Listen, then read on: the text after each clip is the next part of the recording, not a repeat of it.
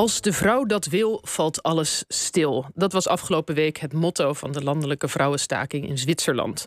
Honderdduizenden vrouwen die eisten daarin onder meer gelijk loon voor gelijk werk, actie tegen seksisme op de werkvloer en gratis kinderopvang. En met deze staking uh, treden deze vrouwen in een lange traditie van vrouwensolidariteit. Zo weet historica Rosa Kusters. Zij onderzoekt bij het ISG stakingen. Welkom, Rosa. Dankjewel. Ja, honderdduizenden vrouwen in, in staking. Dat lijkt mij best veel in een land als Zwitserland, of niet? Zeker. Hoe groot was het? Ja, ja voor Nederlandse begrippen, uh, als er zo'n zo'n staking is, zouden we zeggen het is groot. Uh, en voor de vergelijking, in Zwitserland wonen ongeveer 8,4 miljoen mensen. Dus een stuk minder. Ja. Dus het was echt uh, flink. Ja, en um, ja, was dat een novum? Was het iets heel nieuws in Zwitserland dat ze dit deden? Nee, nee het was ook niet de eerste keer dat het uh, zo'n grote staking was. Uh, daarvoor moeten we even terug naar 1981. Dat jaar is, uh, de, gelijke, zijn de gelijke rechten voor mannen en vrouwen opgenomen in de grondwet in Zwitserland. Ja, dat is heel laat hè, in Zwitserland. Ja, ja die, zeker. Die, die, waren, ja. die, liepen niet voorop in de, in de vrouwenemancipatie. Nee, absoluut niet. Okay, ja. en dat was op 14 juni en tien jaar later uh, vonden de vrouwen uh, in Zwitserland ook dat het dat er nog steeds eigenlijk, ondanks dat die wet was aangenomen, uh, nog te weinig gebeurde. Zeker op het gebied van politieke vertegenwoordiging van vrouwen. En toen is er dus een hele grote vrouwenstaking georganiseerd. En dat hebben ze dus herhaald in, op 14 juni 1991. dat was de eerste grote vrouwenstaking, 14 juni 1991. 2009 10 hebben we er ook, uh, ook weer op 14 juni een grote vrouwenstaking gehad. En dus uh, deze week op 14 juni 2023. Ja, het doet dan ook een beetje vermoeden aan de ene kant heel goed. Ze, ze staken telkens weer, maar dat je ook je afvraagt hoeveel succes hebben ze dan gehad als het telkens weer nodig is. Ja, ja en zeker die laatste twee die zijn dus heel kort ten opzichte van elkaar. En die hadden ook echt hetzelfde hoofdthema, namelijk de loonkloof in Zwitserland. En daarin zie je ook dat die eigenlijk de afgelopen jaren alleen maar is toegenomen. Uh, dus, dus daarom vonden de vrouwen ook ja, het nodig om weer zo snel uh, uh, de straat op te gaan. Ja, en zijn er uh, voorbeelden van vrouwenstakingen die wel heel succesvol waren, ze maar zeggen, die meteen een gro die grote veranderingen tot stand brachten? Ja, ja een heel bekend of mooi voorbeeld is de vrouwenstaking in IJsland in 1975. dat was de vrouw Women's Day Off, Vrouwendag. vrouwen namen een dag vrij. Het betekent niet alleen dat ze niet gingen werken, het betekent ook dat ze weigerden te koken en voor de kinderen te zorgen. Dus, en ongeveer 90% van de vrouwen uh, deed eraan mee. Er zijn fragmenten van de nieuwsjournalisten die op de radio het nieuws voorlezen. En dat je dan op de achtergrond hoor je de kinderen spelen. Want de mannen moesten de kinderen mee naar werk nemen. Want de vrouwen deden het niet meer. Ja, je kan je voorstellen, 90% dat had een enorme impact. Het hele land, het halve land lag plat. En IJslanders zeggen zelf ook dat heeft in de mentaliteit een enorme uh, verandering teweeggebracht. Maar ook de eerste vrouwelijke president uh, van IJsland, die vijf jaar later aan de macht komt. Ze heeft altijd gezegd dat, dat zij niet aan de macht had kunnen komen uh, zonder die staking vijf jaar daarvoor. Ja, en dat was, dat, zij waren daardoor wel voorlopers. Moet je je voorstellen, dat is zelfs nog voor. Um voor Zwitserland het opnam, de vrouwenrechten opnam in de grondwet. Waar, hebben zij voor ter, als eerste ter wereld uh, als democratie een vrouw verkozen? Dus ja. het is wel. Uh, ja, ja oké, okay, dat is een goed voorbeeld. Uh, hoe zit het eigenlijk in Nederland? Zijn hier wel eens vrouwenstakingen geweest? Ja, zeker. Ik merk zelf wel dat het vooroordeel nog steeds best wel vaak is als het gaat over stakingen, dat dat echt iets is voor mannen. Dat het dan gaat over mannen die staken. Maar een oud collega, of eigenlijk mijn voorganger, heeft onderzoek naar gedaan. Grote stakingsdatabase met stakingen in Nederland tussen 1830 en 2009. En daarin zitten in ieder geval 524 uh, vrouwenstakingen. Dus stakingen waar echt grotendeels of alleen maar vrouwen aan deelnemen. Dus dat zijn er behoorlijk uh, wat. Ja, kan je, kan je een voorbeeld noemen van zo'n soort vrouwenstaking? Want dat, dat klinkt inderdaad als heel erg veel. Ja, noem er eens één. Ja, uh, een uh, een van mijn favorieten is uh, 1929, Rotterdam. Uh, de Hugo de Groot staat daar, had je een Jamin-fabriek. Ook wel destijds groot op de gevel stond de Zuid-Hollandse stoomfabriek...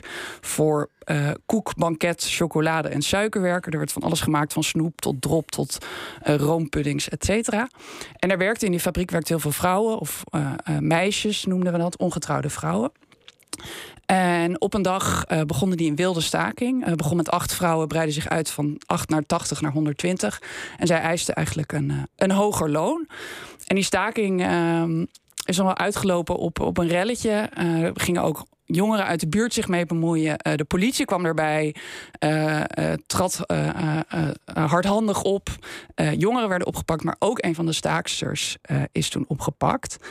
En wat ook mooi is aan deze staking, denk ik, is dat, er een, dat we een liedje hebben over die staking. We hebben helaas geen opname, mhm. maar de tekst is er nog wel. Oké, nou dan moet je eventjes een stukje, dan, dat heb je vast meegenomen of niet? Wat, wat, hoe gaat dat liedje? Zeker, ja. Ehm, hij gaat zo. Jongens, kom eens kijken, er is wat aan de hand. In de Hugo de Grootstraat, in Jamin zijn pand.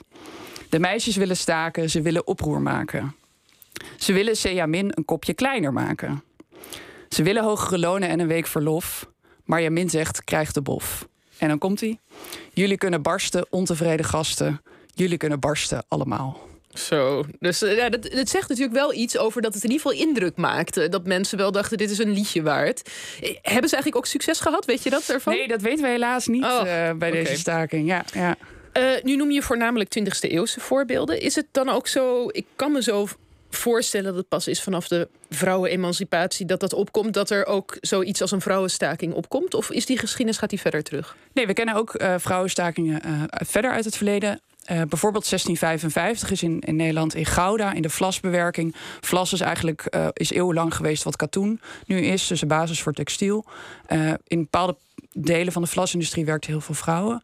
En in 1655 zou hun loon verlaagd worden en toen zijn ze daarvoor gaan staken. Dus dat is een heel vroeg voorbeeld eigenlijk. Ja, echt. En ehm, gaat het ook wel eens over andere zaken dan werk? Of, of is dat toch wel de focus? Nou, de focus is wel werk. Een derde van de vrouwenstakingen gaat over een hoger loon. Vier vijfde gaat over wat we noemen primaire arbeidsvoorwaarden. Dus dat is inderdaad je loon, je werktijden, je, uh, de uren in de week die je werkt.